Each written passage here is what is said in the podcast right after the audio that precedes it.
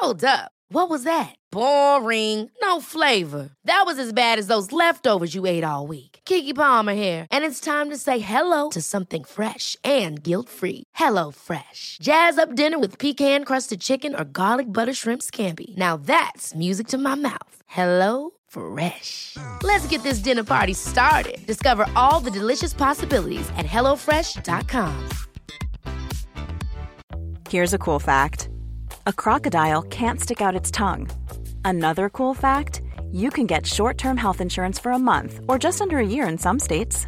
United Healthcare short term insurance plans are designed for people who are between jobs, coming off their parents' plan, or turning a side hustle into a full time gig. Underwritten by Golden Rule Insurance Company, they offer flexible, budget friendly coverage with access to a nationwide network of doctors and hospitals. Get more cool facts about United Healthcare short term plans at uh1.com. Hälsosnack produceras av hälsocoacherna Lotta Lagerqvist och Victoria Carinci i samarbete med läkarkliniken FunMed. FunMed arbetar med precisionshälsa och funktionsmedicin. Är du nyfiken på vad det här innebär? Besök gärna funmed.se. Lotta och Victoria bjuder in gäster från olika delar av Hälsosverige. Innehållet är avsett som inspiration och ska inte ses som medicinsk rådgivning. Varje individ står för de åsikter och fakta som de uttrycker i podden. Varmt välkommen att bli inspirerad till ett hälsosammare och härligare liv.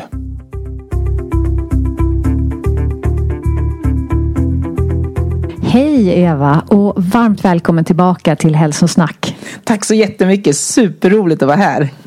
Du har ju instiftat Sockerfria dagen och den går av stapeln den 12 oktober varje år och den närmar sig nu med stormsteg här för årets upplaga. Och eh, jag tror nog att alla människor har hört att socker är inte bra och att man behöver minska sin konsumtion av det. Men vi tror inte att alla verkligen har förstått varför det här med socker är så himla viktigt. Så att idag så tänkte vi ju, vi har bjudit tillbaka dig till podden eh, och vi tänkte att vi skulle ägna det här avsnittet åt att ha typ en grundkurs i socker.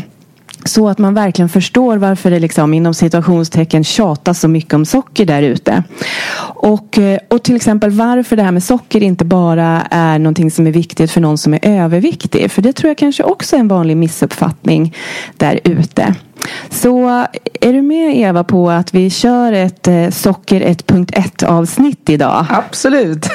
Ja men härligt. Och eh, de flesta av våra lyssnare tänker vi, de kan det här. Men vi tänker att det här kan vara ett bra avsnitt också att dela med nära och kära och andra som kanske inte har förstått det här också. Så att det är vi superpeppade för. Ja, det är jag med. Men först, såklart Eva, ska du få presentera dig för våra lyssnare och berätta vem är du och vad gör du? Ja, men mitt namn är Eva Mörk och det är jag då som är hälsoingenjören. Och det innebär att jag kombinerar min tekniska bakgrund som civilingenjör från KTH med en gedigen utbildning inom näringslära, funktionsmedicin och också certifierad beroendeterapeut inom mat och socker. Och jag eh, arbetar nu eh, som författare, föreläsare, inspiratör och driver en utbildningsplattform som heter Elitista. Som vill ge hälsokunskap som förändrar eh, din framtid. Ja, ja men det gör du verkligen Eva. Tack. ja, men om vi ska börja här nu då så eh, man har ju börjat höra det här begreppet metabol ohälsa lite mer i samhället tänker jag. Och det kanske främst var i samband med covid. För då hörde man ju ofta att det var de metabolt ohälsosamma som drabbades värst. Men det här med metabol hälsa, vad är det? Respektive metabol ohälsa? Vill du förklara grunderna? Ja men absolut, för att jag tror att att förstå vad metabolism är, det är på något sätt grundläggande om man ska göra en, en hälsoförbättring överhuvudtaget. Och det är ju så här att en, en vuxen kropp består ungefär av 37 biljoner celler. Och varenda cell av de här 37 biljoner cellerna, de behöver energi varenda sekund livet ut. Och eh, man skulle kunna säga att det var så här livet uppstod. För det var alltså en encellig organism som flöt runt i havet och eh, kunde med hjälp av näringen då och syret börja producera energi till en cell. Och sen tog det faktiskt flera miljoner år innan man lyckades producera energi till flercelliga organismer. Och nu sitter vi här och och då kan vi liksom producera energi till, till 37, 37 biljoner celler. Ja, och då är vi människor, tänk dig liksom elefanter eller ännu större djur. Då. Så det här, är, det här är liksom grunden att alla de här cellerna behöver energi varenda sekund livet ut. Och den här energin kan man ju antingen då få genom att man äter. Och då använder cellerna eh, energin från maten man äter. Eller så kan man få det från det lagrade fettet. Och de, våra celler, de har egentligen bara de kan använda två energikällor. Det ena är glukos. Så alla celler i våra kroppar är gjorda för att använda glukos. Och vi kan använda fett som, som bränsle. Så det är de två det, det är. Så att metabolism handlar alltså om vår förmåga att omsätta det vi äter till energi till våra celler. Och gissningsvis så kan man ju säga att, att, när man föds så har man ju en fungerande metabolism så att säga. Då har vi en bra förmåga att omsätta det vi äter till energi. Men det är när vi förstör den förmågan. Eh, vi kan alltså inte längre energiförsörja celler. Det är då man då pratar om metabol ohälsa. Och det säger sig själv också att de här metabola sjukdomarna, fetma, typ 2 diabetes, hjärt och kärlsjukdomar, att de går då i den metabola ohälsans spår. För att om du inte längre kan omsätta det du äter till energi. Då, då lyder vi fortfarande under fysikens lagar. Det vill säga energin måste ta vägen någonstans och det gör den. Den lagras i form av fett. Så att fetma... Och den kommer inte de biokemiska processerna till godo som Nej. det ska. Som ju också behöver den här energin för att precis. Du får inte alla in processer ska fungera. Nej, precis. Och då måste den... Energin finns ju ändå där men de kommer inte till godo. Och då måste det lagras och det gör det i form av fett. Så att liksom fetma då eller om man säger när man lägger på sig man börjar kanske få fett runt de inre organen. Det är det första tecknet alltså på att metabolism inte riktigt fungerar. Det vill säga nu har vi fått en försämring försämring. Nu kan vi inte omsätta det vi äter till energi till cellerna längre utan nu lagras det. Och vilka är de andra klassiska tecknen på det här med, med metabol ohälsa? Ja men det finns ju några tecken. Det, det, att bukfetma är nästan det första tecknet och det behöver inte synas utanpå utan man kan vara inre förfettad men inte ha så mycket underhudsfett.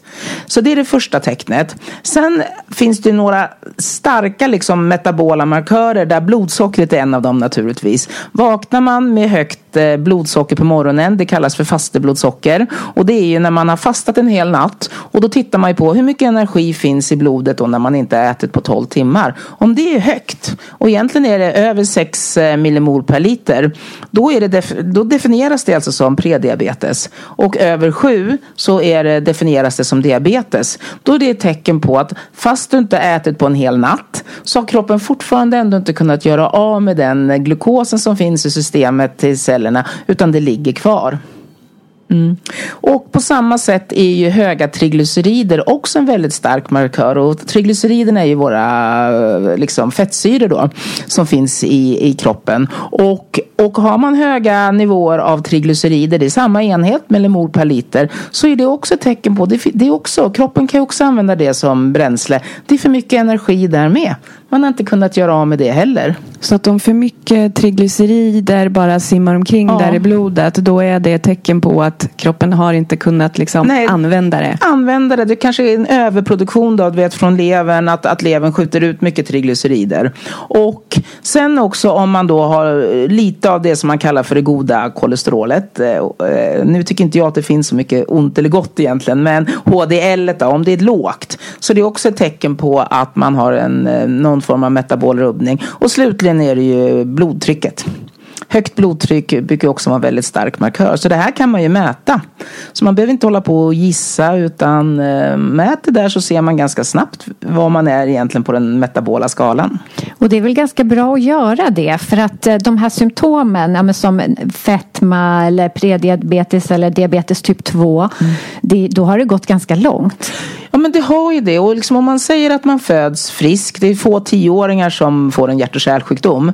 Så, så bara vår moderna livsstil gör ju att vi långsamt då glider ner för det jag kallar för den här metabola skalan. Men det tar ju, det kan ju ta 10, 20, 30 30 år. Jag menar diabetes typ 2 kallas ju för åldersdiabetes. Att det kanske börjar komma då 50-60 års åldern. Medan nu för tiden så finns det faktiskt ungdomar redan som drabbas av typ 2 diabetes. Så att hela vårt samhälle, den miljö vi lever i gynnar liksom inte vår, vår metabolism.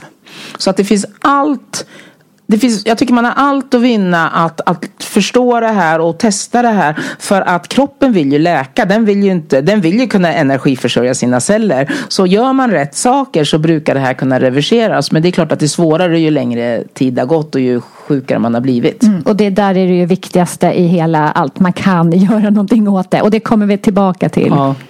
Men om vi backar tillbaka från början. Vad händer i kroppen när vi äter socker? Och när vi pratar om socker i det här sammanhanget så pratar vi ju inte bara om det så här uppenbara godis, kakor och läsk utan alla kolhydrater som mer eller mindre blir socker i kroppen. Eller hur? Ja, och där tycker jag det är viktigt att man liksom ändå skiljer på kolhydrater och kolhydrater och har en viss nyansering. För som jag sa att alla våra celler i kroppen, vi har ju ändå nästan 37 biljoner celler, de är gjorda för att använda glukos som bränsle.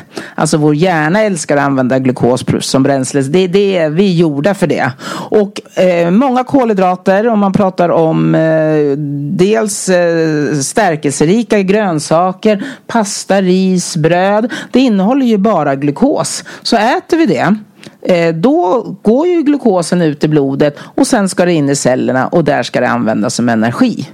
Men sen finns det ju liksom sammansatta kolhydrater också. Där kanske laktos är också eh, en kolhydrat och det är en glukosmolekyl och en eh, galaktosmolekyl. Men eh, dricker man mycket mjölk till exempel som innehåller laktos då spjälkas det naturligtvis och hälften där är ju, är ju glukos som kroppen då kan använda som bränsle. Eh, öl, maltos, eh, det är ju två stycken glukosmolekyler som sitter ihop och det är därför öl kallas för flytande bröd för då har du ju dina två. Det är mycket glukos i det. Och så har vi ju vitt socker. Och vitt socker innehåller ju alltså en glukosmolekyl och en fruktosmolekyl. Och det är där det skiljer. Mm. Mm. Ja, vi ska prata mer om det också. Om man då inte har en bra funktion i sina celler och använder det här, vad händer då? Ja, det här är, är jätteviktigt att förstå att man måste verkligen skilja på de som har en fungerande metabolism eller ämnesomsättning. De personerna kan ju omsätta det de äter till energi till, till cellerna och där klarar ju kroppen naturligtvis att ta hand om en viss mängd glukos så att säga. Vi rör ju oss och, och cellerna behöver ju det. Men ju sjukare man är, alltså ju sämre metabolism man har, då hör man ju nästan på ordet, desto sämre förmåga har man ju att använda det man äter till energi. Och just då glukosen, äter man mat som innehåller väldigt mycket glukos oavsett om det är socker då som innehåller hälften glukos, hälften fruktos eller stärkelse som innehåller långa, långa kedjor av glukos. Då blir det ju mycket, mycket energi i, i blodet alltså när man äter det. Och då har man då en försämring. Man kan inte använda det. Då är ju risken att man belastar systemet och man får de här lite högre blodsockernivåerna. Och glukosen måste ta, hand, ta vägen någonstans och det lagras. Och vad händer fett. om man inte får, får ner blodsockret i kroppen? Om man går med konstant höga blodsockerhalter? Ja, det där är ju, det är därför gränsen då vid, för prediabetes ligger på 6 millimol per liter. Och då ska ni veta att det är i Sverige gränsen ligger. I USA ligger gränsen på 5,6 faktiskt. Så att vi har en lite högre gräns än eh, amerikanerna. Så, så det är inte samma över hela världen. Och eh, över sju då så är det diabetes. Men kroppen tycker inte om det är farligt för kroppen att gå med höga blodsockernivåer under lång tid. Nu pratar jag inte liksom några timmar innan det kommer in i cellerna. Utan nu pratar vi liksom i dagar och veckor och år. Och då är det som att ta en flaskborste alltså och rispa i dina blodådror. Och då säger du risp, risp och då bildas det ju små, små inflammationer i dina hjärt och kärlväggar. Och de minsta partiklarna där är LDL som lätt kan oxidera om du har mycket LDL. Eh, fastnar ju där och där har du början till din infarkt. Eller hjärt och kärlsjukdom. Så när vi äter socker då ökar ju sockerhalten i blodet. Ja. Och blodet ska ju inte vara för sött. Därför då är det den här faran med att det rispar. Det är liksom toxiskt ja. för våra eh, blodkärl. Så berätta lite om hur är det tänkt att det ska gå till? För som sagt glukos är ju ett bränsle för oss. Det är bränsle oss. och det det egentligen säger det är att kroppen vill ha en jämn energiförsörjning till alla celler hela tiden. Den vill inte ha jättemycket och sen väldigt, väldigt lite. Utan den vill ha, den vill ligga, den vill känna sig trygg med att veta att, att jag får energi och det finns energi men det finns inte för mycket och det finns inte för lite. Så när du då äter mat som innehåller väldigt mycket glukos och och eh, inte liksom eh, mycket energi överhuvudtaget. Då är det ett signal till kroppen. Nu finns det jättemycket energi. Och finns det jättemycket energi så måste ju kroppen snabbt få in det i cellerna. För det gör ju ingen nytta i blodet. Det måste in i cellerna. Det är där det ska användas. Och då är det risk att kroppen grips lite av panik och, och, och verkligen trycker in all glukos direkt. Och då får man ju helt plötsligt väldigt eh, lite energi i blodet. Och då har man fått ett blodsockerfall. Och då reagerar kroppen också. För kroppen vill ju inte ha, vara utan energi. Och det är där det berömda suget sätter in. Just det. För då är det ju insulinet som liksom sprutas ut för att vara liksom nyckeln för att cellerna ska öppnas upp och ta emot den här energin, det här sockret. Precis. Eh, eh, kroppen, cellerna, eh, insulin är en förutsättning för att cellerna ska kunna använda glukosen som bränsle. Så ju mer glukos du äter desto mer insulin behöver du. Men vissa människor de är väldigt, väldigt insulinkänsliga. De behöver liksom bara en droppe insulin och så säger det slurp så åker allt glukos in i cellerna och kan användas som energi. Och det, det, är väldigt bra att vara insulinkänslig. Medan andra människor de kanske behöver dubbelt så mycket, tre gånger så mycket, fem gånger så mycket, tio, femton, tjugo gånger så mycket insulin alltså. För att få in samma mängd eh, glukos in i cellerna. Men jag tycker det där är så himla viktigt för jag tror inte folk förstår det. Nej. Jag brukar säga när jag pratar med patienter att ja, om, om du äter en liten kaka, en normal person som har en bra metabolism ja. så, så ger det, det gör inte så mycket. Det räcker att promenera ja. lite efteråt så är det där borta. Men för dig kanske det är att du, det är som en halv tårta.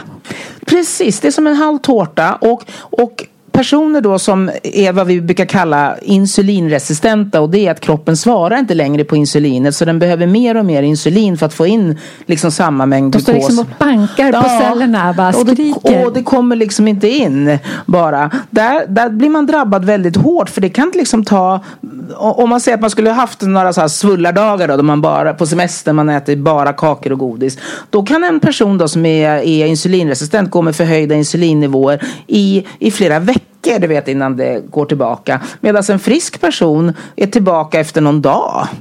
Och det ser man ju också. Det finns van, människor kan ju gå upp i vikt något kilo efter semestern. Men så fort de börjar äta som vanligt igen så normaliseras det där. Men är man då insulinresistent och har den här metabola rubbningen.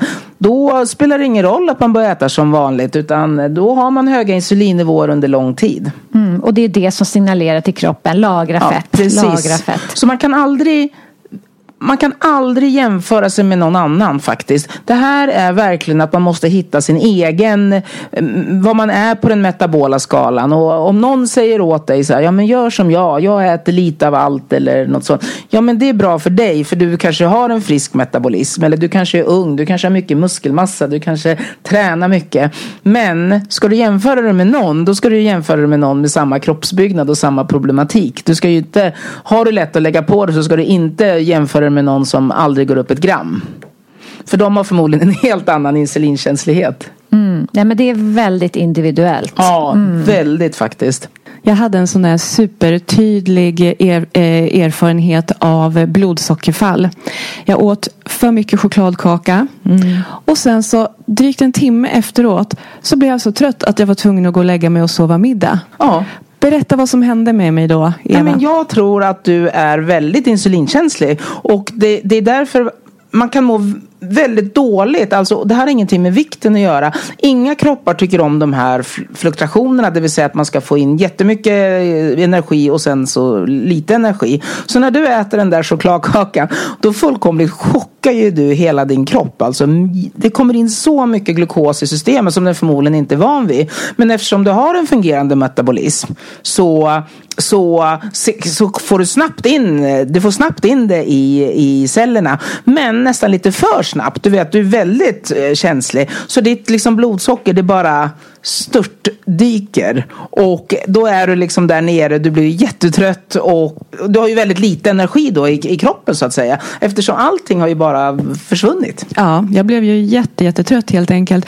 Men eh, även då att om jag nu har ett bra insulinsvar och så, så är det här fortfarande ingenting som är hälsosamt för kroppen att det här händer, eller hur? Nej, och du kan utarma det. Och, och, även liksom, om man säger, du är frisk nu, men om du åt en chokladkaka om dagen och började dricka Coca-Cola varje dag och, och sådär, då lovar jag dig att om tio år så är den inte lika frisk som den är nu. Så att man, man, man kan verkligen förstöra en frisk metabolism genom att hela tiden du vet, småäta, äta mycket eh, mat då, som innehåller mycket glukos och belasta systemet. Så var rädd om med din metabolism. Ja, eller hur? Men sen är det ju en stor stress för kroppen att bara råka ut för det här också. Jättestressande. Kroppen vill verkligen inte ha mycket energi och lite energi och mycket energi och lite energi. Den vill ha en jämn och låg, liksom en jämn energiförsörjning. Den vill inte ens ha en hög jämn kurva. Liksom. Den vill ha en låg jämn. Den ska ligga ungefär mellan 4 till 6 Eh, millimol per liter. Och där förde du mina tankar till någonting som jag tycker är väldigt vanligt när jag träffar människor. Det är ju det här att man har fått höra att det är bra att ha ett jämnt blodsocker. Och därför har man ju då fått rådet att äta mellisar ja. flera gånger om dagen. För att just hålla blodsockret jämnt. Men det man har missat då det är ju att jag då håller ju ditt blodsocker på en jämnt hög nivå. Ja. Beroende på vad det är du stoppar ja. i dig förstås. Men vanligtvis så är det ju vanligt typisk liksom mellismat, mackor ja. och vad det nu är. Liksom. Men vi vill ju hålla den på en jämnt lägre nivå. Ja, och det är faktiskt ett jätteeffektivt sätt också att förstöra sin metabolism. Alltså även den friskaste människa. Och förmodligen klarar ju ungdomar det lite bättre. Men när man börjar komma upp i åren så är det ju svårare om man småäter. För varje gång du, varen, alltså våra, vårt system fungerar ju så här. Du äter och du lagrar. Alltså så fort du stoppar någonting i munnen så är det en signal till kroppen att eh, nu måste vi, vi höjer insulinet. Nu ska vi försöka lagra den här energin som vi äter. Det vi inte gör av med det lagrar vi. Och du äter inte och du bränner. Du kan ju aldrig bränna lagrat fett eh, samtidigt som du äter så att säga. Utan det sker mellan måltiderna. Så att vi behöver ha lite utrymme mellan måltiderna för att komma in, kunna börja bränna vårt eget, det som ja. redan finns och jag där. brukar kalla det för metabol flexibilitet. Att det är väldigt viktigt att ha en kropp som är metabolt flexibel och det innebär att den ska kunna snabbt växla mellan de två energisystemen, glukos och fett. Mm. Det vill säga när du äter och får i dig glukos då, då kan ju kroppen bränna det. Det är den ju ganska bra på. Men när du inte äter då måste du ha ett system som snabbt då ska kunna gå över och börja bränna fett. Mm. Det lagrade fettet. Och då får du också en jämn energiförsörjning eh, hela dagen. Men är du inte metabolt flexibel som många metabolt sjuka är. Då har du alltså en kropp som egentligen bara kan bränna glukos. Så när glukosen är slut då, kan, då kommer du inte åt din lagrade fett. Alltså kroppen är inte van att bränna fett. Och då är du ju sugen. Och det då, då äter du ofta, ja det är inte kokt torsk du äter liksom. Utan då är du ju sugen på någonting som innehåller snabb energi, alltså kolhydrater. Det vill säga du, din kropp är alltid ett tillstånd där den bränner glukos. Men den går aldrig över på fettförbränningstillståndet. Och just när man får de här liksom energidipparna som jag då när jag åt för mycket chokladkaka. Nu somnade ju jag, vilket ju var tur kanske. Men annars så är det ju ofta så att när man får den där energidippen. Det är då man blir liksom sugen. Kroppen bara skriker ju efter någonting att stoppa i munnen. Då kanske du hade tagit så, en bit choklad eller till hur, Då hade jag tagit en bit kaka till kanske. Ja, bara för att få upp energinivån. eller hur? Så det är också så här att, att hur man äter. Det kan ju också hjälpa en att slippa de där sugen och dipparna eller så äter man på ett sätt som bara hela tiden driver på det där suget. Liksom. Och det är då den här vilj, liksom, att, att hela tiden, hela livet, varje dag behöva använda ja. viljestyrkan för att bara, nej nu ska jag inte ta, nu ska jag inte ta. Den det, kampen det kommer jag aldrig vinna. Man vinner aldrig det. Så liksom knepet är hela tiden att minimera suget. Och minimera suget, det gör man genom att inte få sådana så svängningar på blodsockret. För det är, det är svängningen som är den signalen till kroppen att nu finns det lite energi, nu måste du äta. Så att du får inte samma, det, det måste ju ni märkt också, att när man håller det på en låg jämn nivå då kan man bli hungrig men det är inte så att man måste äta en påse Polly liksom utan man kan hantera det. Man kan tänka, ja men jag kan äta två ägg liksom när jag är hungrig. Eller hur? Ja. Ja. det är sån stor skillnad. Och, och det tänker jag också så här att om det då är så att man någon gång, du var inne på så här, man äter lite eh, godis eller så på semestern eller man har unnat sig någon helg liksom.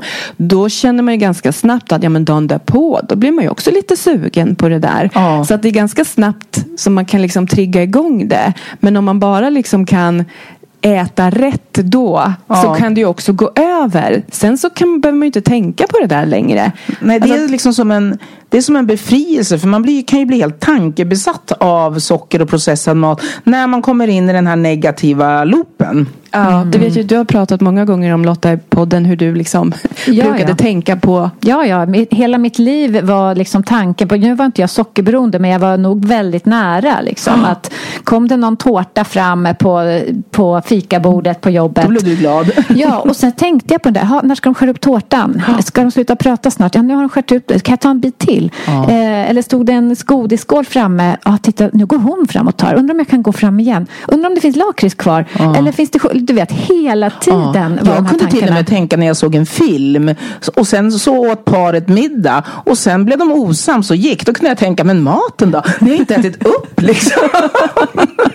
Ja. ni, ni, ät upp först och sen liksom Precis, ni. kan ju inte bara lämna det där.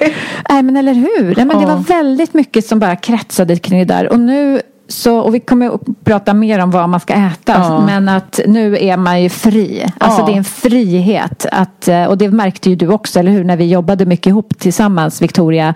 När det var lunch, då var det lunch. Ja, det gick ju inte att gå över liksom fem över tolv. Då var det bara, nej men nu, nu måste jag stänga Ja. ner allting. Ja. nej, men mitt, mitt hela system la ju ner. Då Ja. var det bara så här, nu måste jag ha lunch. Och nu istället så tuffa jag går. Så bara, "Ha, klockan två, ja, men jag kanske måste äta nu för annars kommer jag bli hungrig om någon timme. Ja. Och där i början när vi jobbade tillsammans eh, mycket hemma hos varandra. Då var det också verkligen så här på eftermiddagen. Nej, men nu är det ju dags för någonting litet. Det var någon liten råfoodboll eller någon kanske hade lite mörk choklad hemma. Eller lite nötter eller någonting. Ja. Tills att nu när vi har lagt om kosten så bara. Nu, vi tänker ju inte ens på Nej, det. och det var inte så här, vi sa väl det så här, men gud vi har ju inte gjort det på så här, vad hände? Det var inte något medvetet, det bara blev inte så. Ja, och vi åkte ju, jag och Martin åkte ju ner på, till, vi bilade ner till Europa. Och, och då var vi så här, du vet, att vi eh, packade lite grejer, lite ölkorvar och någonting. Och sen åkte vi liksom 16 timmar. Och vi stannade egentligen inte, vi åt ingenting. Och vi tänkte inte på det överhuvudtaget för att eh, man får ju inte de här suget egentligen när man bara äter lite ölkorv på vägen ner. Då var det någon som sa, men gud, i bilen då måste man ju sitta och äta hela tiden. Men vi tänkte inte ens på det. Ja, det är väl det klassiska, Polly och bilar Ja. och allting liksom. Ja. Ja. Ja, men, och det är ju verkligen det som är liksom matfrihet. Ja. Att, att slippa behöva tänka på det. För det är det, och jag tänker att många som lyssnar på det här kanske känner bara, men gud det där skulle aldrig vara möjligt för mig. mig. För att jag Om- tänker på mat hela tiden och jag blir sugen och jag blir hungrig. Och liksom så här. så att, att komma till det här stadiet där man liksom bara inte tänker på det. Ja. Det är ju helt Och fantastiskt. blir då, och läker kroppen, för det är egentligen det det gör. Att, att, att man faktiskt får igång energiförsörjningen så att när energin tar slut i liksom gl- glukosen då kan man gå över och, och, och bränna det lagrade fettet, den här metabola flexibiliteten. Så det är inte, ni som lyssnar, det är inte du som är knäpp eller någonting sånt. Utan det här är, det är biokemi och du liksom behöver läka hjärnan och kroppen egentligen. Ja. Ja, nej men, eller hur. Det här är verkligen magiskt. Men vi har en till aspekt på hela sockret. För du pratade innan att det finns de här sammansatta kolhydraterna. Och då pratade du om eh, vanligt bordssocker egentligen. Kan du berätta lite mer om det? Ja, det är ju som sagt skillnad. När man pratar om att, att allting blir socker i blodet, absolut att det blir glukos. Men när vi pratar om att, att vitt socker då skulle vara farligare än alla andra kolhydrater, då är det ju för att vitt socker består av hälften glukos som som våra kroppar kan använda. Men sen består den också av hälften fruktos, alltså eh, fruktosmolekylen. Och fruktosmolekylen, den är ju väldigt intressant för den är inte våra celler gjorda för att använda som bränsle på samma sätt som glukosen och det är det som skiljer och det är det också som gör att sockret skiljer sig då mot, mot de andra kolhydraterna. Ja, du menar att det är mycket nyttigare för man hör ju på namnet, det heter ju fruktos. Om visst låter det nyttigt, ja. liksom fruktos. Ja, man skulle nästan kunna tro det och jag tror faktiskt att eh, livsmedelsindustrin har lyckats få oss att tro det lite grann också. Att, att frukt är nyttigt och då borde fruktos vara nyttigt. Men faktum är att våra kroppar är faktiskt inte gjorda för att att evolutionärt så har vi förmodligen inte haft så mycket fruktos eh, tillgängligt. Och eh, om, om, man säger då att alla, alla celler kan använda glukos som bränsle så, så är fruktosen mycket, mycket svårare för kroppen att använda som bränsle. Så det finns egentligen ett organ då där som, som, som tar hand om fruktosen och det är vår lever. Och levern har ju inte mycket annat att stå i i kroppen, eller hur? Den är ju ganska busy. Det är liksom, jag skulle nästan säga förutom då hjärtat så är ju levern vårt viktigaste organ nästan att det ska fungera. Och den blir ju väldigt, väldigt överbelasta då när vi får i oss mycket fruktos. Och eh, en lever hos en vuxen människa väger ungefär 1,7 kilo. Och då har du alltså, jämför det om du väger 70 kilo. Då har du 70 kilo celler som kan använda glukosen som bränsle. Men du har ett, ett organ som väger 1,7 kilo som ska ta hand om den här fruktosen. Och om du har barn som äter mycket socker, då har barnens lever kanske bara väger 500 gram eller någonting sånt och, och får i sig väldigt mycket av fruktosen. Och då pekar ju väldigt mycket forskning nu på att, där de har sett att stora mängder då fruktos, alltså ett överskott av, av, av fruktos, det, då omvandlas alltså fruktosen dels då till glukos, att det kan användas som bränsle, men om man inte använder det heller, då omvandlas det till fett. Så, Så det är levern som får omvandla fruktosen till glukos och, för att kroppen ens ska kunna börja ja. använda det? Och sen överskottet då till eh, fett också. Ja, och det lagras ju i levern. Det lagras i levern. Alltså fruktos har man sett att det driver fettlever. Och det är därför barn då kan få fettlever innan de har druckit en droppe alkohol. Det är jättemånga barn som har fettlever nu innan de ens har kommit upp i tonåren. Och eh, de har ju alltså fått en metabol rubbning redan som unga som man kanske inte ens... Eh, det, det skedde kanske inte för hundra år sedan att barn blev sjuka på det sättet. Och det, jag tycker det är ganska sorgligt eftersom Eh, alltså våra barn är ju oskyldiga, de vet ju inte om det här. Men de lever i en värld där, där det finns socker överallt. Du vet eh, juicen, sockrade flingor, sockrade yoghurtar, glassen, eh, allt godis, barer och sådär. Och deras kompisar då som kanske har en annan biokemi som klarar av att äta det. De, de är fortfarande friska men de här barnen de drabbas väldigt hårt och får utstå ganska mycket fördomar från vuxna. Att de är lata och de borde röra på sig mer. Men egentligen tycker jag att det är vi vuxna som borde ta ett ansvar här och förstå att, att det, är, det är sockret som, som vi måste minska på till våra barn. Ja, och när det gäller barn så är det väl oftast att ja, det är farligt för tänderna ja. och det vet man. Men inte att det verkligen kan förstöra deras inre biokemi. Precis, och bortsett från massa andra saker. Och temat i år på sockerfria dagen är ju framtidens mat, framtidens hjärna. Så det kommer ju vara några väldigt intressanta föreläsningar där om hur socker faktiskt påverkar hjärnan. Och, och det, de ju, det finns ju forskning nu också som, som visar att eh, det kan ha lite med den, eh, du vet med koncentration koncentrationssvårigheter och sådär. Allt är ju inte helt klart där än men det är ju intressanta studier i alla fall. Mm, det ska bli superintressant att se de föreläsningarna. Have catch yourself eating the same flavorless dinner three days in a row? Dreaming of something better? Well, hello fresh is your guilt free dream come true baby. It's me, Gigi Palmer. Let's wake up those taste buds with hot juicy pecan crusted chicken or garlic butter shrimp scampi. Mm. Hello fresh. Stop dreaming of all the delicious possibilities and dig in at HelloFresh.com. Let's get this dinner party started. There's never been a faster or easier way to start your weight loss journey than with PlushCare. PlushCare accepts most insurance plans and gives you online access to board-certified physicians who can prescribe FDA-approved weight loss medications like Wigovi and Zepbound for those who qualify Take charge of your health and speak with a board certified physician about a weight loss plan that's right for you. Get started today at plushcare.com slash weight loss. That's plushcare.com slash weight loss. plushcare.com slash weight loss. Ja. Jag har en liten reflektion där för att min hälsoresa som ledde mig vidare till att jag lämnade finans och teknikbranschen och hamnade här som hälsocoach. Det började nämligen med att jag slutade med socker. Ja. De månaderna, de första månaderna, det var som att dimman lättade i hjärnan. Liksom att helt plötsligt kunde jag bara tänka klart. Det var som att, men nu vet jag vad jag vill. Nu, nu kunde jag liksom uttrycka den här, ja, tankarna. Och också kontakten med mitt inre. Så det var liksom startskottet för mig att eh, hitta vad vill jag faktiskt göra. Det är många som vittnar om det. Foggy brain brukar det kallas då när man pratar om det. Att de säger att the foggy brain bara försvinner. Ja, så det var magiskt för mig. Så att jag är, det ska bli så spännande att lyssna Ja. på mer om hur just det påverkar hjärnan. Ja. Nej, det är det. Så det är alltså fruktosen då som gör att vitt socker, att man varnar för att det är farligt för att det metaboliseras i levern och det kan då öka risken för fettlever om man liksom intar det i för stora doser egentligen.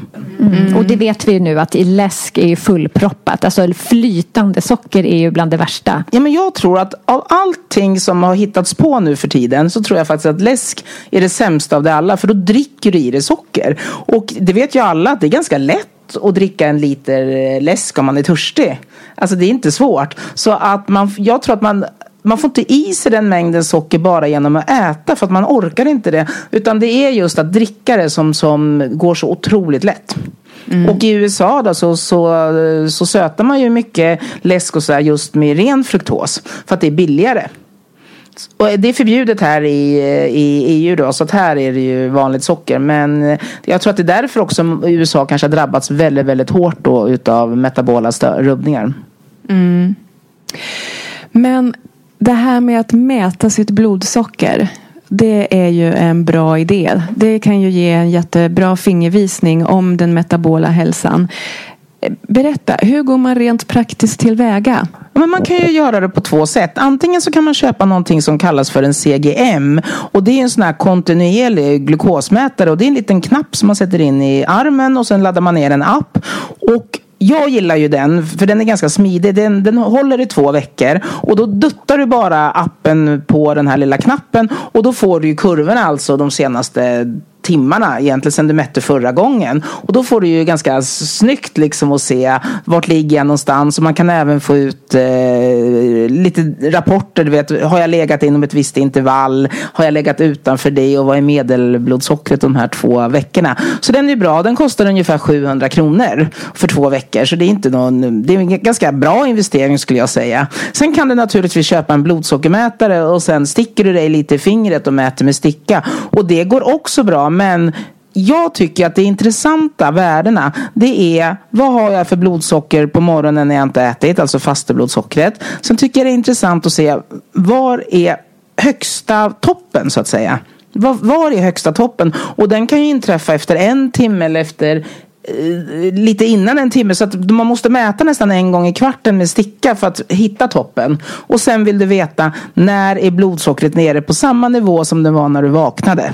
Så det är liksom de mätpunkterna som är intressanta och det får man ju bara. Med en CGM så duttar du ju bara och så får du hela kurvan. Medan gör du det med, en, en blod, med blodet då måste du ju mäta en gång i kvarten kanske under två, två och en halv timme. Och sticka sig i fingret. Det sticker liksom. sig i fingret. Men det är ju så lite blod så att jag har gjort det många gånger också. Så det är inte, det är inte jättefarligt men lite joxigare skulle jag säga. Mm, jag har en sån där hemma. Jag har gjort det förut så man fick med sig två så jag har en kvar. Och så sa jag det här innan eh, vi började spela in. Men då fick jag lite ångest för då sa du att nej men då ska du passa på att belasta kroppen Precis. också. så jag sa för att det. se hur väl den mm, fungerar. Ja, så att jag kanske då och då en dag byta ut min köttfärs på morgonen till havregrynsgröt och se. Och lättmjölk med en banan. Det brukar ju mina kunder som går blodsockerutmaningen få äta om de vill. Och det är en väldigt intressant frukost faktiskt. Eh, Och just den här eh, ja, bananen, lättmjölken och havregrynsgröten. Ja. Det är, eh, inte alla, men väldigt många får verkligen, verkligen höga toppar. Och har man då inte lika lika, en jätteeffektiv förmåga att använda all den här glukosen. Eller att man har ett stillasittande jobb som, som de flesta av oss har. Att man äter och sen sätter man sig någonstans. Då ligger man med höga blodsockernivåer under väldigt lång tid. Många får inte ner det till lunchen ens. De får knappt ner det på hela dagen. Mm, det där är faktiskt, om alla skulle testa sitt blodsocker då skulle det nog se annorlunda ut. Ja, så det tycker jag, det är en sån här frukost som Ja, men man tycker ändå att det är nyttigt, eller hur? Ja, men eller hur? Havregrynsgröt, det är ju många som kommer och berättar med stolthet för att man tänker att ah, ja, frukosten får jag i alla fall till. Jag äter så nyttigt, jag äter havregrynsgröt. Ja. Men sen så är det just det har jag ju hört förut också, att det är liksom väldigt många som reagerar extremt kraftfullt på just havregrynsgröt. Ja. Och jag tycker liksom, det är inte havregrynsgröt i sig då. Men, men det beror ju lite på vad man ska göra. Om du tränar till ett maraton eller om du ska åka Vasaloppet och du vet att nu ska jag ut och, och träna i flera timmar eller göra någonting. Det är klart att ät lite havregrynsgröt för du, då behöver kroppen energi. Men, men om man bara som vi lever, att man ska sätta sig ner och sätta sig framför datorn. Då är det ju näring kroppen behöver. Vi behöver ju liksom lite mer protein då och fett. Inte ren energi egentligen. Nej, Men... alltså det är lite roligt för att jag tänker på Gunde Svan ja. mycket när jag tänker på havregrynsgröt. Han gjorde ju reklam för det på något sätt och han åt det liksom. Men... Och jag bara, ja men om man är Gunde Svan och är ju... ute i skidspåret hela tiden. Men då är det kanske en bra idé. Men vi andra då som äter frukost och sen sätter oss i bilen eller bussen ja. och sen sätter oss framför datorn och sen liksom bara det här eviga stillasittandet. För, det är så ja, skillnad Vi gör inte alltså. av med Nej. den energin. Och jag vet ju Jonas Kolting ändå som tränar så mycket. Han äter ju inte heller havregrynsgröt och sådär. Han har ju ändå, måste man ju säga, varit en väldig uthållighetsidrottare. Ja, och jag tänker liksom precis som Gunde Svan fått lite protein i sig där. Hur långt hade han kunnat gå då? Ja. Så det är, liksom, det är inte livsmedlet i själv liksom, som är farligt utan det handlar ju mer om, ja men behöver äta just det om du lever så här. Men om jag skulle åka skidor en hel dag, jag kanske skulle äta lite mer eh, kolhydrater den morgonen, absolut. För att orka. Mm. Så, men du pratade här om att man ska mäta sitt blodsocker efter och samband med att man har ätit. Hur ska man tolka resultaten man får? Vad är liksom en okej okay kurva?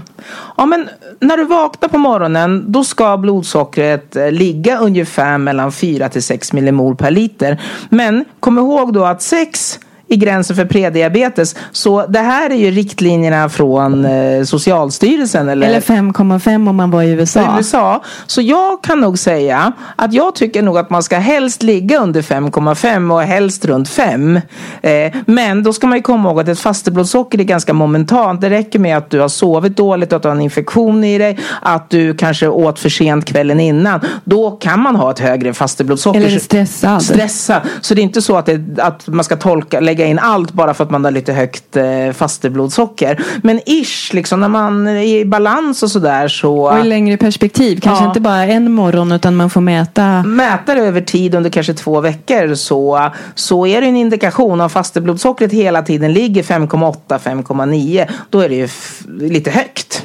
Eh, Medan ligger det runt 4,8, 5,1 liksom 5,3 så vet man att det, där ligger det bra. Och då brukar man ju säga som en tumregel att man ska helst inte få en stegring på mer än två enheter. Så för enkelhetens skull, om du har fem när du vaknar, vilket är ett väldigt bra, helt okej okay blodsocker. Då ska du efter frukosten, din högsta topp ska egentligen inte vara mer än sju. Det är liksom inte farligt om de, du någon gång får högre. Men liksom om du vill ha den här jämna energiförsörjningen och inte få de här dipparna. Då ska du helst inte ha mer än två, två enheter. Och det, du får in en del glukos i det alltså, så det är inte så att man behöver nolla det på något sätt. Men man kan verkligen se att äter man två rostade brödskivor och lite havregrynsgröt, då är man uppe i mer. Och det är inte farligt i sig om man gör det någon gång. Jag menar om kroppen är frisk och får in det så, så klarar den ju det. Men, men man kan få blodsockerfall och andra grejer. Men om man gör det över tid och aldrig får in det. Och bara fortsätter belasta och belasta och belasta. Och två timmar efter, då ska helst blodsockret vara nere då på, på uh, ungefär ungefär fem igen, ish.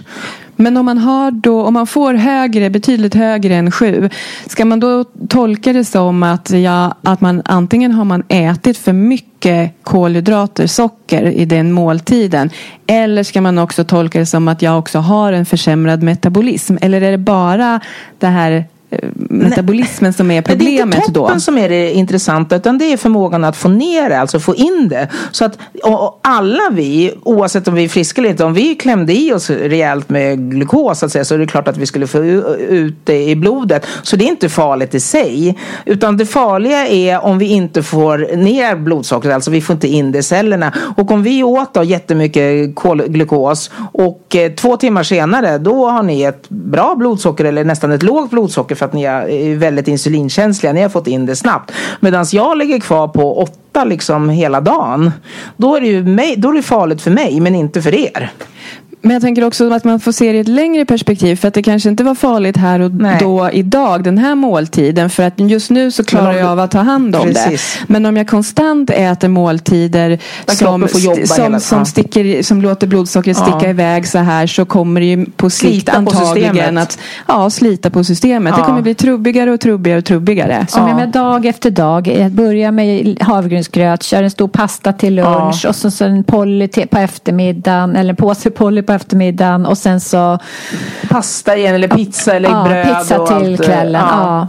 Då har man ju belastat liksom systemet eh, hela tiden. Eller väldigt mycket mackor och, och, eh, och sådär. och så Men- dricker man läsk på det liksom Ja. så är det toppen på Ja, så att det är liksom, man ska inte liksom, om man tittar liksom på sitt blodsockervärde så tycker jag det är viktigt, det är väldigt viktigt att se när får man ner blodsockret för det är egentligen det som är det intressanta. Och där kan du ju också, tycker jag, där har du en fingervisning om du vill jobba lite mer med periodisk fasta. Då får du faktiskt en fingervisning av när det är dags för dig att äta. För att jag skulle nog inte äta, om mitt blodsocker fortfarande låg på 7-8 efter eh, en och en halv timme. Då skulle inte jag äta för det är ju ett tecken på att det finns ju redan eh, energi i systemet. Kroppen håller på att ta hand om det fortfarande. Så äter jag nu, då är det ren lagring. Då, då, kommer inte, då är det ännu jobbigare för kroppen att börja använda det. Men om jag istället skulle ta en promenad och vänta en timme och då helt plötsligt har jag blodsocker på fem. Då vet jag att nu finns det utrymme för kroppen att börja ta hand om det jag äter egentligen. Så att det är ett bra sätt att styra dina fasteperioder. Ja men verkligen. Och då blir det ju också viktigt att börja äta på ett sånt sätt så att man står sig Ja. liksom. Så att man inte verkligen blir också hungrig. Precis. För att jag menar kroppen ger ju signaler om hunger också när den inte har fått den näring den Ja. behöver. Eller hur? Så det är ju inte, liksom, det är inte bara när, när blodsockret sjunker Nej. utan det handlar ju också om att kroppen behöver ju näring. Ja. Det, det kommer den ju också ropa efter. Och jag tänker på det här med, vi vet att protein har en särställning i det. Att Ja, kroppen det finns ju skickar ut. forskning som visar nu att alla liksom djur äter tills de får sitt proteinbehov tillfredsställt. Det vill säga, är det inte tillfredsställt så fortsätter man att äta. Och då är det ju smart att börja liksom med proteinet för att på morgonen. För då äh, har man ju gett kroppen ändå en dos protein så att den blir tillfredsställd. Vi har ju redan börjat snudda vid vad man ska göra då för att eh, slippa de här blodsockersvängningarna och få ett bra blodsocker och läka sin metabolism. Men vi, jag tänker ändå att vi ska stanna lite längre vid det. Så vad, vad behöver man göra? Man behöver först och främst tänka att man ska tänka näring och inte energi. Om de här 36 biljoner cellerna som vi är uppbyggda av som är en kropp. De är alltså egentligen bara uppbyggda av fett, protein, mineraler och vatten. Alltså cellerna byggs inte av kolhydrater utan det är energi som, som såklart också behövs. Men att bygga en kropp då krävs det fett, protein, mineraler och, och, och så består de ju av vatten. Och då när man ska tänka näring så ska man ju tänka, ja men om det är det man bygger en kropp på då är det det vi behöver äta i, först, i första hand så att det, liksom, det behovet blir tillfredsställt. Så jag har sett att, att börja dagen med liksom en relevant mängd protein egentligen. Och där kan det skilja sig naturligtvis lite beroende på, på vem man är och kroppsform och sådär. Men att inte bara bygga hela frukosten bara på ren energi och inte så mycket näring. Så eh, om man har svårt liksom att äta riktig mat så är ändå kanske man vill ha ägg liksom eller eh, brukar vara bra. De som äter mjölkprodukter kan ju kanske äta kvarg, Det är ju ganska proteinrikt och, och sådär. Men sen kan man ju gå vara lite mer hardcore. Det är ju en vanesak att man äter lite rester från gårdagens middag. Och... Eller hur? Det där brukar vi ju verkligen banka in att frukost det är bara namnet på dagens första målmat. Ja. Det kan vara vilken mat som helst, eller hur? Att man vänjer sig vid att det kanske inte... För går man på sån här typisk frukostmat eh, då är det ju ofta det är bröd, det är juice, det, är kanske granola. ja, müsli och annat. Och liksom. sötade yoghurtar. Frukt och bär och liksom, Och ja. Jag vet inte om det är någonting i västvärlden men jag var ju runt och reste nu i augusti i Asien. I Korea och i Japan. Och där äter de ju mat. Eller hur? Jag åt små, de hade liksom på 7-Eleven så hade de små grillspett eh, till frukost. Så kunde man köpa liksom, och det kostade bara 12 kronor. Så fick man några grillade spett. Vilket var eh, jätte, jättegott. Så att, jag vet inte om det är alla här i Europa. Men, men det finns ju andra delar i världen där man absolut inte äter frukost på samma sätt. Helt klart. De äter, åt mycket små soppor också. Ja men eller hur. Alltså, jag glömmer aldrig när jag och min man var i Tokyo och bodde på hotell där. Och hotellets liksom, ena sidan av frukostsalen. Eh, det var ju den eh, eh, vad heter det, internationella frukosten. Eller hur? Visst heter det så? Det är. Kontinenten. Kontinen- Kontinenten, ja, den ja. kontinentala frukosten. Och då var det ju bara det var bröd och gifflar och man kunde göra sin egen pannkaka och våfflor och det var sötade små yoghurtar och det var liksom sylt och och liksom så här. Och sen så på andra sidan, ja men det var ju eh, fisk och Ja. det var soppa med grönsaker och det var så här syrade fermenterade Precis. grejer. Alltså man bara, men vilken enorm skillnad. Ja. Det är ju bara, och det visar ju tycker jag, det är bara en vanesak. Ja. Mm. Och det måste jag vittna om för att eh, Victoria du vet ju jag, ja, efter att jag bytte ut min gröt efter massa år så bytte jag till en smoothie bowl med härlig hemgjord granola på och eh, det var ju fullt med bär och ja men den var ju så gosig och god liksom och, eh, och jag har ju den här historiken av att jag gillar söta saker och så men för mig krävdes det ju bara att jag provade en annan frukost. Och eh, och jag trodde aldrig att jag skulle falla dit på köttfärs. Liksom. Men så att prova. Och köttfärs är gott på morgonen. Ja. Jag tycker att det är varmt. Jag brukar liksom steka upp den faktiskt med lite, det låter ju härligt, med lite kanel och kardemumma. Så att det blir lite så här, och spi, alltså lite, alltså, ja den touchen är jättegott. Ah. Och jag brukar tipsa också om att ha i lite buljong om man vill ha lite så här mer såsigt sådär. Mm. Jag kan ju steka den med lite banan. Och det har jag ju märkt att många barn gillar också. Så stekt köttfärs med lite stekta bananskivor i. Ah, vi- vilket Ah. bra tips. Och vet ni vad jag testade? Nu går jag igång här. Nej men jag testade lite melon på. Lite fetaost och melon. Det tyckte min dotter var supergott. Det låter ju också jättegott. Så det finns liksom, testa. Ibland brukar vi göra hamburgare. Och, och liksom vi gör rejält med hamburgare. Och sen så brukar vi ta en hamburgare och så använder vi den som en macka nästan. men att jag lägger hur? på lite ost och lite grejer och lite tomat och sådär. Och så äter jag det som en macka. Köttmacka. Ja, en och köttfärsbiffar det är ju så smidigt för att jag tycker det är ju lätt att äta både varmt och kallt. Ja. Så det liksom, behöver man ha med sig typ till jobbet och, och så här, då kan man göra det. Och man kan sitta och precis äta dem med fingrarna som en macka Ja. också. Så att det är smidigt och det känns som att ju fler jag pratar med som börjar äta köttfärs till frukost Ja. tycker jag att det faktiskt är något rent magiskt i det. Ja. För man, det är som att det verkligen sätter tonen för resten av dagen. Ja. Att man blir, så, man blir så himla stabil på ett sätt som man inte har upplevt tidigare. Och man står sig väldigt länge faktiskt. Förvånansvärt länge. Tycker Ja. inte? Men Jo. det måste ju vara den här mixen med protein och Och fett, fett. ja. Liksom att perfekt balans. Och sen så just köttfärs är ju så lätt att variera i oändlighet Ja. också. Ja, så nu har vi pratat om frukosten och att framförallt prioritera protein och fett till den. Ja. Ja. Och sen eh, att inte småäta. Det är, det är liksom försök, ät mer egentligen den när du äter. Eller hur? Och då blir det viktigt att liksom måltiderna komponeras på ett sånt sätt så att man verkligen står sig ju. Ja, och var inte rädd för att prova. Jag säger så här, jag följer verkligen ingen diet. Och liksom, ibland känner jag för att äta lite bönor eller linser, då gör jag det. Liksom, så det, det, jag följer ingenting. Men däremot så tycker jag att man kan våga testa lite grann och se, äter den här frukosten, är jag hungrig direkt då? Nej, men då har jag sett att jag är verkligen mycket, står mig mycket bättre på eh, en annan typ av frukost. Och då väljer jag det i, i första hand. Men sen om jag bor på hotell eller gör någonting. Det är klart att jag kanske äter en äggröra med lite bacon eller någonting sånt där. Ja men eller hur. Istället och tycker det är jättegott. Så att jag tycker det är viktigt att inte låsa sig för mycket vid att man måste göra samma. Om man inte vill alltså och gillar, och gillar det. Men småätningen är ju en, en ganska viktig del i det här. Och sen att som jag har sett som jag tycker är extremt viktig, som man kanske inte pratar lika mycket om och det är att ät inte för sent. För att kroppens metabolism är ju gjord så att den ska vara ganska aktiv, hög på dagen för det är då vi äter, vi rör oss och vi behöver den.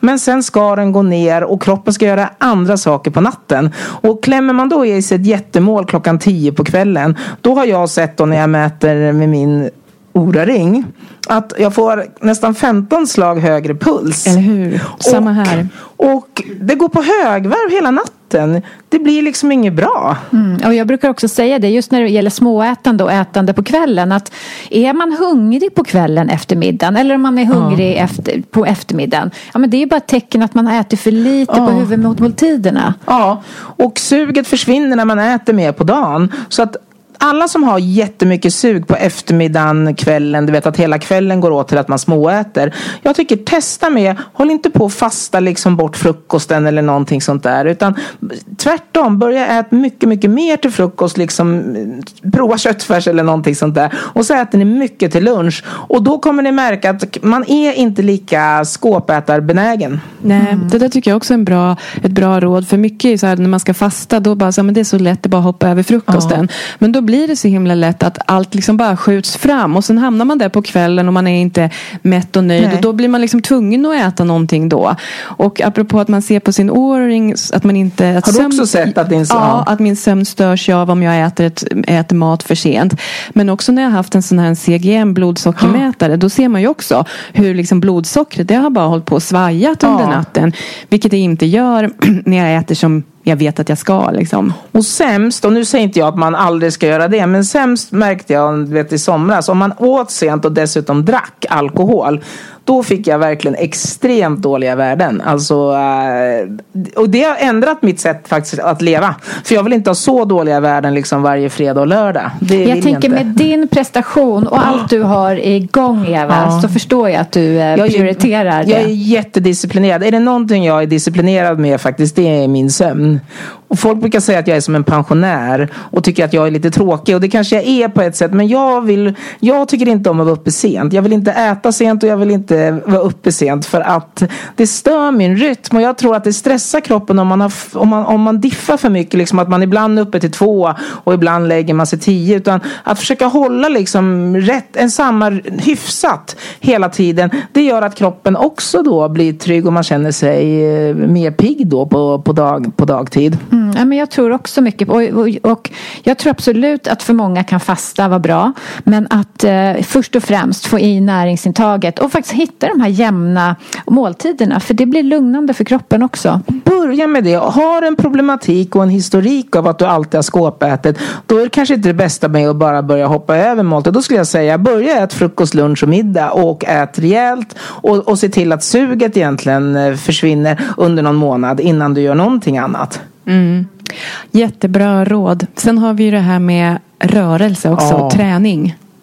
Verkligen. Och jag är den första att säga att jag trodde träning var bara att gå till gymmet. Och liksom jag kunde ta bilen till gymmet och rulltrappan upp till trappmaskinen. Liksom, och stå där i 40 minuter och sen ta bilen hem.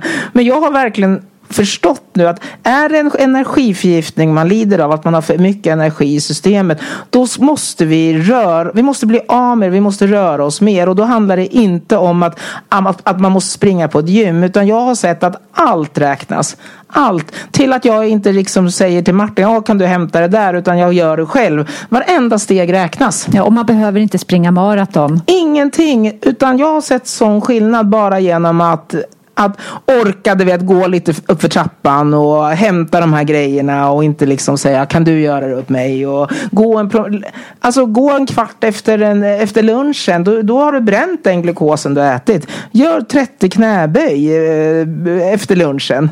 Så alltså all rörelse. Mm, jag berättade ju här innan vi började spela in att jag, eh, vi har ju två små hundar hemma och jag eh, har mitt ansvar är morgon och lunchpromenaden och sen så mina barn delar på kvällspromenaden. Men nu börjar jag ju tänka att den kanske jag ska tillba- ta tillbaka. Jag behöver den också efter middagen. Men då sa ju du Lotta att det behöver ju barnen också. Ja. Så jag får väl kanske unna dem Sen kan man ju gå- Eller man kan gå tillsammans också. Ja, och man kan gå måste utan hund. Man kan gå utan hund. det, finns, det finns många lösningar. det, det kan man göra. Nej men rörelsen är, det, det går inte nog att liksom Nej. eh, und, alltså, och, och tänk så här, av alla världens läkare och forskare så finns det ju ingen som säger att det inte är bra att röra på sig. Alltså om man kan säga en enda gemensam nämnare i vad alla är överens om så är det väl faktiskt att motion är bra och att just vitt socker inte är bra. Det är väl det som skulle kunna ena hela hälsovärlden. Mm. Och muskelmassa. Och muskelmassa behöver vi. Mm. Ja. Ja, så att det, det finns ju ändå en poäng i att gå till gymmet eller man behöver ju inte ens vara på gymmet Nej. men det här att, liksom att ändå bygga lite muskler för musklerna är ju också jätteviktiga i hela den här Ja. eh, metabola Ja, det är inte hälsan. dina fettceller som kräver energi. Det är ju muskelcellerna. Så ju mer muskler du har, desto mer eh, celler har du ju som kan suga åt sig glukosen. Ja, eller hur? Ja, vi, jag ska inte gå igång nu på muskelmassa också. För att jag skulle kunna prata tre timmar om det. Men ska vi prata lite guilty pleasures då, Ja. Eva? Det kan man ju ha. Och guilty pleasure är ju, det behöver inte vara förknippat med mat. Det kan liksom vara att man gör andra saker som man vet att det här är inte kanske högintellektuellt att man ligger och tittar på Kardashians en kväll och det är lite så här guilty pleasure. Men eh, i samband med den sockerfria dagen så har vi släppt en kokbok som heter Sockerfria guilty pleasure. För jag får ganska ofta frågan, men hur njuter du då om du inte äter socker? Och då tänkte jag, men hur njuter jag då? Och så kom jag på, nej men jag njuter jättemycket av god mat som inte innehåller socker och, och, och sådär. Så att det finns någon, inte fördom, men det finns en grej att, att man kan bara njuta med socker. Och jag och Babben, vi låg eh, en kväll på hennes sommarstuga Gotland och tittade just på Kardashians. Och då åt vi rökta laxfenor till i en liten påse. Vilket är extremt gott. Och det var då vi myntade uttrycket, det här är ju vårt sockerfria guilty pleasure, sa jag och Babben. Och då började jag fråga andra personer, vad njuter du av då när du eh, inte äter så mycket socker? Och då fick jag jättefina recept och kommentarer och grejer. Och så tänkte jag att det här vill jag sammanställa. Och så att man får nästan som en tröstbok att eh, det, det går att njuta. Liksom njutning sitter inte i mängden socker. Och jag brukar säga på skoj att i den här boken då går näring och njutning hand i hand. Nej, men all respekt till det. För att jag menar om man nu känner att nej jag vill, jag, jag vill slippa vara slav under sockret. Men liksom. man vill ändå sitta ibland och göra och, och, och vara med. Ja. Och då kan jag säga att eh, Peter Martin Martin är med i den här. Och han har ju ett fantastiskt sockerfritt guilty pleasure. Och jag kan säga att det är en beef jerky. Och det är den här perfekta kombinationen av salt och, och proteinet och lite fett. Så när vi skulle fotografera det då sa Martin så här. Eh, nu ska vi ha en stor hög med beef jerky hade han sett framför sig. Och så gjorde vi det och så åt vi upp allting innan vi ens hade börjat lägga upp det. Så vi fick liksom eh, göra en ny dagen efter. Alltså det är väldigt, väldigt gott med beef jerky. Så det är, om ni köper boken, alltså testa det. För det är perfekt att sitta och, och äta lite och, om man vill ha det mysigt. Och var hittar man boken då om man känner att det här är något för mig? Ja men dels så kan man ju förbeställa den då. Då kan det gå in på eliti- www.elitista.se.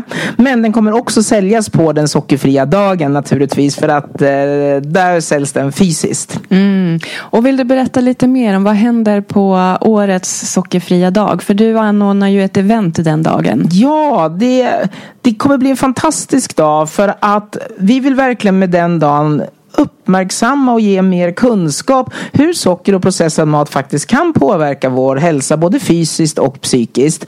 Så portarna slår upp eh, klockan 14.00 på Convendum då på Fleminggatan 18 här i Stockholm. Och där har vi massa jätte, jätte roliga partners som kommer ställa ut. Och det är allt från, eh, från eh, For Real Food som kommer visa hur man kan njuta av brödfri pizza till, eh, till rödljusterapi. Funmed kommer stå där.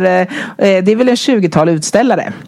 Och 17.00 så slår vi upp portarna och då, eller inte slår upp portarna, då startar eventet. Och, och det här är riggat för att man ska kunna se det online. Så det är egentligen ett digitalt event. Men vi har folk där fysiskt på plats.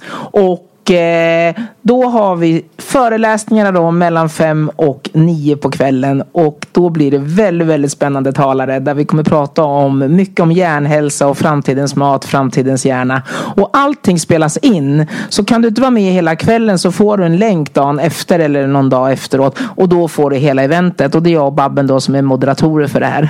Ah, så man kan liksom köpa en biljett, en online-biljett och sen så kan man ändå se det i efterhand? Oh ja, mm. och det gäller alla som har köpt en biljett. Även om man är med fysiskt så kanske man vill ha, ha länken. Och vi behöver verkligen dig på det här eh, eventet för att jag tror att det är viktigt att vi, vi, att vi konsumenter faktiskt nu visar vad är det vi vill ha? Vi har mycket mer makt än vad vi tror. Om vi köper mat som är bra för oss, som är näringstät och, och gör gott både för eh, den yttre miljön och den inre miljön, då kommer vi få mer av det.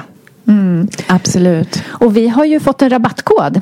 Eller hur? Ja, så med koden halsosnack 15 så, så får ni 15 rabatt. Och eh, vi skulle bli så glada om ni är med oss. Ni, om ni har möjlighet så kom på plats. För det kommer bli en fantastisk dag. Men eh, har ni inte det så köp en digital biljett. Och överskottet går till kostfonden. Det är jättebra. Och, och, du sa ju också att man kan ju vinna fina priser också. Ja, det kommer lottas ut jättefina priser, verkligen. Alltså, det är många partners som har gett jättefina priser. Allt från kosttillskott eh, till eh, andra saker. Faktiskt en kroppsmätnings, liten så här kroppsmätningsmaskin kommer lottas ut som man kan ha hemma. Ja, vi alla sitter från och bara, den vill vi ha. vill alla vinna den. Ja. Ja. Nej, men Lotta och jag kommer vara där, ja. eller hur? Så det ser vi fram emot. Det ska bli jätteroligt. Så Tusen tack Eva. Du gör ett fantastiskt jobb med att sprida den här kunskapen. Tack för att du kom till podden idag och berättade så detaljerat. Jag hoppas verkligen att fler och fler förstår poängen. Och eh, har man själv fattat det här så kanske man som sagt vill sprida det här avsnittet till flera. Eh, familj, nära och kära som man bryr sig om och verkligen vill ska få behålla hälsan så länge det bara är möjligt. Så tusen tack Eva. Men tack själv. Jätteroligt att vara här. Tack.